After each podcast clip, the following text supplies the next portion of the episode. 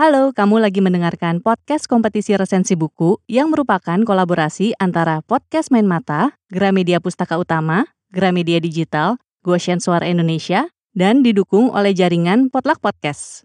Kali ini kamu lagi dengerin resensi buku dari teman-teman yang berpartisipasi di kompetisi. Selamat mendengarkan. Oke, sebelumnya perkenalkan nama saya Banu Radityo. Jadi saya masih pemula di dunia literasi ini karena saya mulai tertarik berliterasi yaitu memahami, menganalisis, dan mentransformasi buku itu tahun lalu sejak awal masa pandemi masuk wilayah Indonesia. Jadi saya masih awam di dunia literasi. Dan saya sekarang akan meresensi buku karya Gary John Bishop yang berjudul Unfuck Yourself, Get Out of Your Head and Into Your Life atau beresin dulu hidupmu dengan mengubah pikiran negatif menjadi tindakan positif. Buku ini ditunjukkan buat kalian dari semua kalangan entah introvert, extrovert maupun ambivert Begitupun dari kalangan kreatif maupun praktis yang sering menghabiskan banyak waktu untuk berbicara dengan dirinya sendiri agar bisa mengalahkan dirinya sendiri dari keraguan yang menghambat kehidupannya sehari-hari. Dari buku ini juga Bishop akan membangunkan dan menyandarkan potensi kita yang sesungguhnya dengan tujuan untuk memperbaiki diri sendiri dan menemukan segala sesuatu yang mungkin selama ini kita inginkan dalam hidup ini.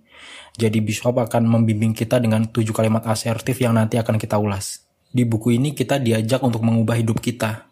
Dalam hal ini digambarkan bahwa apa yang kita anggap bisa atau tidak bisa untuk dilakukan itu lebih dipengaruhi oleh respon bawah sadar daripada kenyataan hidup itu sendiri. Atau menurut saya bisa dikatakan sebagai keraguan atau kebimbangan. Jadi jika kita baca dari Wikipedia, keraguan pada tingkat emosional adalah keraguan antara kepercayaan dan ketidakpercayaan pada fakta, tindakan, motif, atau keputusan tertentu yang dapat mengakibatkan penundaan atau penolakan tindakan yang relevan karena lebih mengkhawatirkan kesalahan atau kehilangan peluang. Di buku ini juga kita dikondisikan untuk berusaha keras keluar dari situasi keraguan itu. Di buku ini juga akan membuat kita tidak perlu mencari jawaban permasalahan di luar sana. Namun, jawabannya justru ada di dalam diri kita sendiri. Kita akan menggeser perbincangan diri sendiri dari aliran naratif menjadi asertif, yaitu berkomunikasi dengan diri sendiri dengan jujur dan tegas untuk menyatakan kemampuan di sini dan sekarang. Jadi Gary John Bishop akan membimbing kita menggunakan tujuh kalimat asertif pada buku ini untuk menyemangati dan memberanikan diri bertindak melawan keraguan yang ada di dalam diri sendiri, yaitu aku bersedia, aku telah diprogramkan untuk menang, aku bisa, aku merangkul ketidakpastian, Aku adalah tindakanku, aku berteguh, dan aku akan menerima segalanya. Perbincangan diri asertif itu misalnya saat ada kalimat naratif yang berbunyi, aku akan berteguh. Di sini kita harus menghilangkan kata akan agar menjadi kalimat asertif yaitu aku berteguh. Jadi penggunaan bahasa asertif itu tidak hanya sangat berdaya tetapi juga memiliki efek sangat nyata. Kalimat asertif pertama yang akan dibahas yaitu aku bersedia. Jika kita bersedia bertindak untuk mengubah situasi terlepas dari apakah kita suka atau tidak suka pada situasi saat itu, itulah kehidupan yang memang harus kita pilih. Dan pada pernyataan bersedia untuk bertindak juga kita harus menghapus kata tapi. Karena setiap kita menambah kata tapi di akhir pernyataan itu, justru kita sendiri yang mengubah diri kita menjadi korban. Dengan menghilangkan kata tapi di pernyataan aku bersedia ini, bisa membuat kesedihan lagi bukan setengah-setengah atau masih ragu, namun kesediaan berani untuk berubah, untuk melepaskan, dan untuk menerima. Hal ini pernah dikatakan oleh filsuf dan ilmuwan politik Niccolo Machiavelli yang mengatakan saat ada kesedihan yang besar, masalah tidak bisa menjadi besar.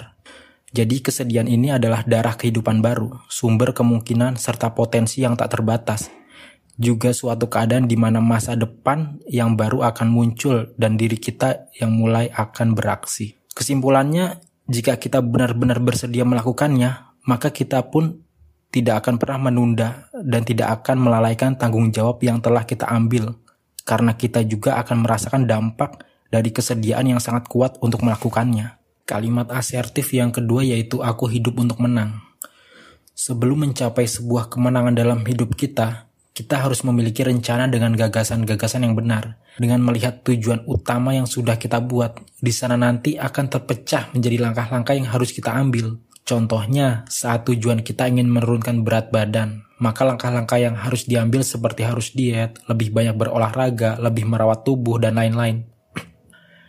Jadi, semakin kita memikirkan masa depan dan apa yang benar-benar ingin kita capai, maka semakin dalamlah proses pikir untuk menjelajahi dan menemukan apa yang ingin kita menangkan. Hal ini bukan soal melawan atau menolak pikiran tersebut, melainkan soal mengubah dan menentukan arah untuk hasil yang baru bagi diri kita. Karena kita diprogramkan untuk menang. Jadi poin penting di sini yaitu merumuskan rencana, merangkul tantangan dan mengupayakan untuk memahami diri sendiri dan memahami program yang sedang dijalankan. Dan semakin banyak ruang dan peluang yang terbuka, maka untuk mencapai atau memenangkan tujuan itu mungkin semuanya hanya masalah waktu. Selanjutnya kalimat asertif yang ketiga yaitu aku bisa. Kalau di bab ini kita akan membicarakan saat kita sedang menghadapi sebuah masalah. Jadi buku ini mengajak kita untuk mengubah cara kita memandang sebuah masalah dengan pendekatan baru melalui optimisme yang akan membuat masalah itu justru akan membentuk diri kita menjadi lebih kuat secara mental maupun karakter. Di bab ini kita akan dihadapkan sebuah masalah dan kita sedang mencari jalan keluarnya atau solusinya. Analoginya saat kita tidak bisa lagi melihat jalan keluar karena terlalu dekat dengan masalah, sehingga pandangan di depan kita sangat gelap karena masalah itu. Gary John Bishop menyuruh kita untuk mundur sedikit. Jika pandangan masih diliputi banyak masalah, maka mundurlah banyak untuk gambaran kasarnya. Dan lihat, pahamilah apa yang sebenarnya sedang terjadi sampai kita merasakan masalah itu dengan tepat jelas, dan bebas dari emosi. Dan dari situ juga kita bisa melihat sebuah perjalanan hidup kita dan menyadari bahwa masalah kita saat itu hanyalah seperti satu lubang di jalan. Hal ini biasa disebut oleh para psikolog sebagai restrukturisasi kognitif dengan cara menggeser masalah dalam hidup kita atau secara alami benak kita menyiasati, memuntir, dan mengelabui pikiran kita dengan cara irasional. Jadi ketika kita akhirnya menempatkan segalanya dari sudut pandang yang benar, maka kita tiba di kalimat asertif aku bisa. Walaupun bukan berarti kita memiliki jalan keluar yang sempurna, tetapi kita sudah memegang kendali untuk menghadapi masalah itu. Selanjutnya aku merangkul ketidakpastian. Pada bab ini kita bicara soal kesuksesan. Di awal bab ini juga sedikit menyinggung buat mereka yang sudah betah hidup di zona nyaman karena selalu melakukan hal-hal yang telah dan selalu dilakukan yang mengakibatkan mereka seperti hidup di masa lalu bukan bergerak maju. Karena memang sudah hidup aman di zona nyaman, itu menurut mereka. Ibaratnya jika ada pertanyaan, bagaimana mereka bisa pergi ke tempat baru jika mereka tidak meninggalkan rumah? Begitupun bagaimana mereka ingin mendapatkan hasil yang baru jika mereka tidak mau keluar dari zona nyaman. Karena kesuksesan itu bukanlah hal yang pasti dan tidak pernah tanpa resiko. Di buku ini juga ada ungkapan dari mantan Presiden Amerika Serikat yaitu Theodore Roosevelt yang pernah menyatakan bahwa di setiap saat pengambilan keputusan, hal terbaik yang bisa kamu lakukan adalah hal yang benar. Hal kedua terbaik adalah hal yang salah, dan hal yang terburuk yang bisa kamu lakukan adalah tidak berbuat apa-apa. Jadi ibaratnya seperti saat sedang menembak, namun tembakan kita meleset tidak mengenai sasaran, itu bukanlah hal yang buruk, karena hal yang terburuk adalah saat kita tidak menembak jika kita melihat orang-orang sukses yang pernah mengalami kegagalan sebelum meraih kesuksesannya, seperti Bill Gates, J.K. Rowling, Thomas Alva Edison, dan masih banyak lagi. Sebagian besar dari mereka pernah merasakan keraguan untuk apa yang akan dilakukan atau apa yang diperlukan.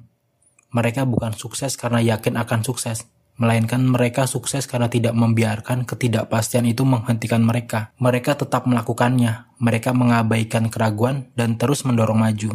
Karena mereka bersiteguh ketika satu-satunya hal yang dimiliki untuk mendorong dirinya adalah keteguhan itu sendiri. Mereka tidak takut pada ketidakpastian, karena ketidakpastian hanyalah bagian dari hidup itu sendiri. Ketidakpastian adalah jalur pribadi menuju peluang, ketidakpastian adalah lingkungan di mana mereka tumbuh, mengalami hal baru dan mendapatkan hasil yang luar biasa. Jadi pada bab ini Gary John Bishop menantang kita untuk keluar dari zona nyaman. Beranilah bermimpi, beranilah mengambil resiko, dan mulai menyalakan mesin kehidupan untuk menghadapi setiap tantangan. Dan yang pasti adalah merangkul ketidakpastian itu sendiri. Melakukan sesuatu yang sama sekali di luar kebiasaan kita akan menjadi awal yang bagus, karena hidup adalah petualangan. Hidup dipenuhi dengan peluang, dan keputusan ada di tangan kita yang sepenuhnya dan seutuhnya merangkul peluang itu dalam semua ketidakpastian yang besar, menakutkan sekaligus menguatkan. Next, aku bukanlah pikiranku, aku adalah tindakanku. Bertindak adalah jalur tercepat untuk mengubah pikiran. Jadi kita bisa merubah hidup kita dengan bertindak bukan dengan berpikir untuk bertindak. karena pikiran tanpa tindakan hanyalah pikiran. Pikiran hanyalah segerombolan hal acak yang berlarian di kepala. Sebagian besar darinya tidak bisa dikendalikan. Jadi pesan dari buku ini yaitu ambil saja langkah pertama dan langkah berikutnya karena kita bukanlah pikiran kita, bertindaklah karena kita adalah tindakan kita. Selanjutnya aku berteguh.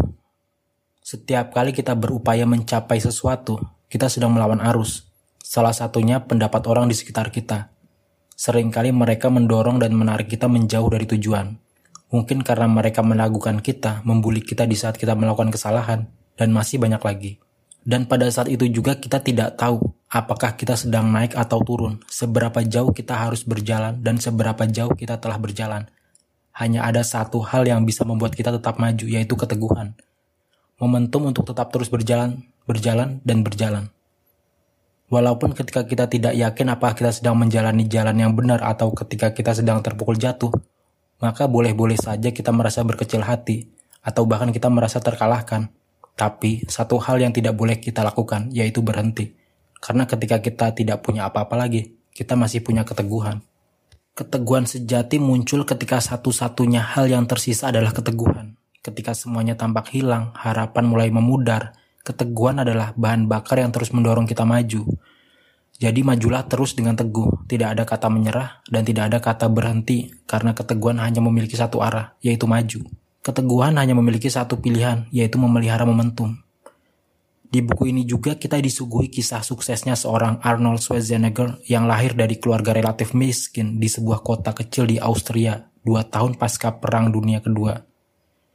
Di buku ini diceritakan Arnold yang membuka jalan keteguhan atas visi besarnya yang pada akhirnya mencapainya dengan setiap kali menapak satu langkah hingga dia menjadi seorang aktor binaragawan sampai terpilihnya Arnold sebagai gubernur California pada tahun 2003 sampai 2011. Dan kalimat asertif terakhir yaitu aku tidak mengharapkan apa pun dan menerima semuanya. Bab ini membahas tentang melepaskan ekspektasi yang berlebihan.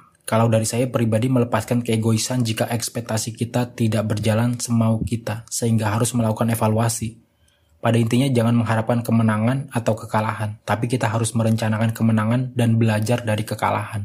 Jika bicara soal kekurangan buku ini, menurut saya ada poin yang mungkin tujuannya sama tapi cara pandang saya berbeda dengan isi buku ini. Di bab kalimat asertif terakhir yaitu soal ekspektasi tersembunyi yang digambarkan dalam kisah wira swasta yang mengusahakan atau memaksakan cara agar sukses dan tetap dengan cara itu walaupun cara itu sudah berantakan. Menurut saya kata ekspektasi itu sifatnya subjektif, bisa dipakai hal positif atau negatif seperti yang dijelaskan di buku ini. Yaitu tergantung pikiran kita masing-masing atau relatif. Sedangkan menurut saya yang cocok yaitu kata keegoisan yang sifatnya objektif, yang lebih ke arah hal negatif, walaupun bisa juga melibatkan asumsi ke hal yang positif.